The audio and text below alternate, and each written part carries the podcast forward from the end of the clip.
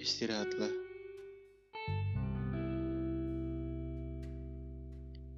Biar waktu yang akan menjawab. Karena saat ini masih belum waktunya untuk itu.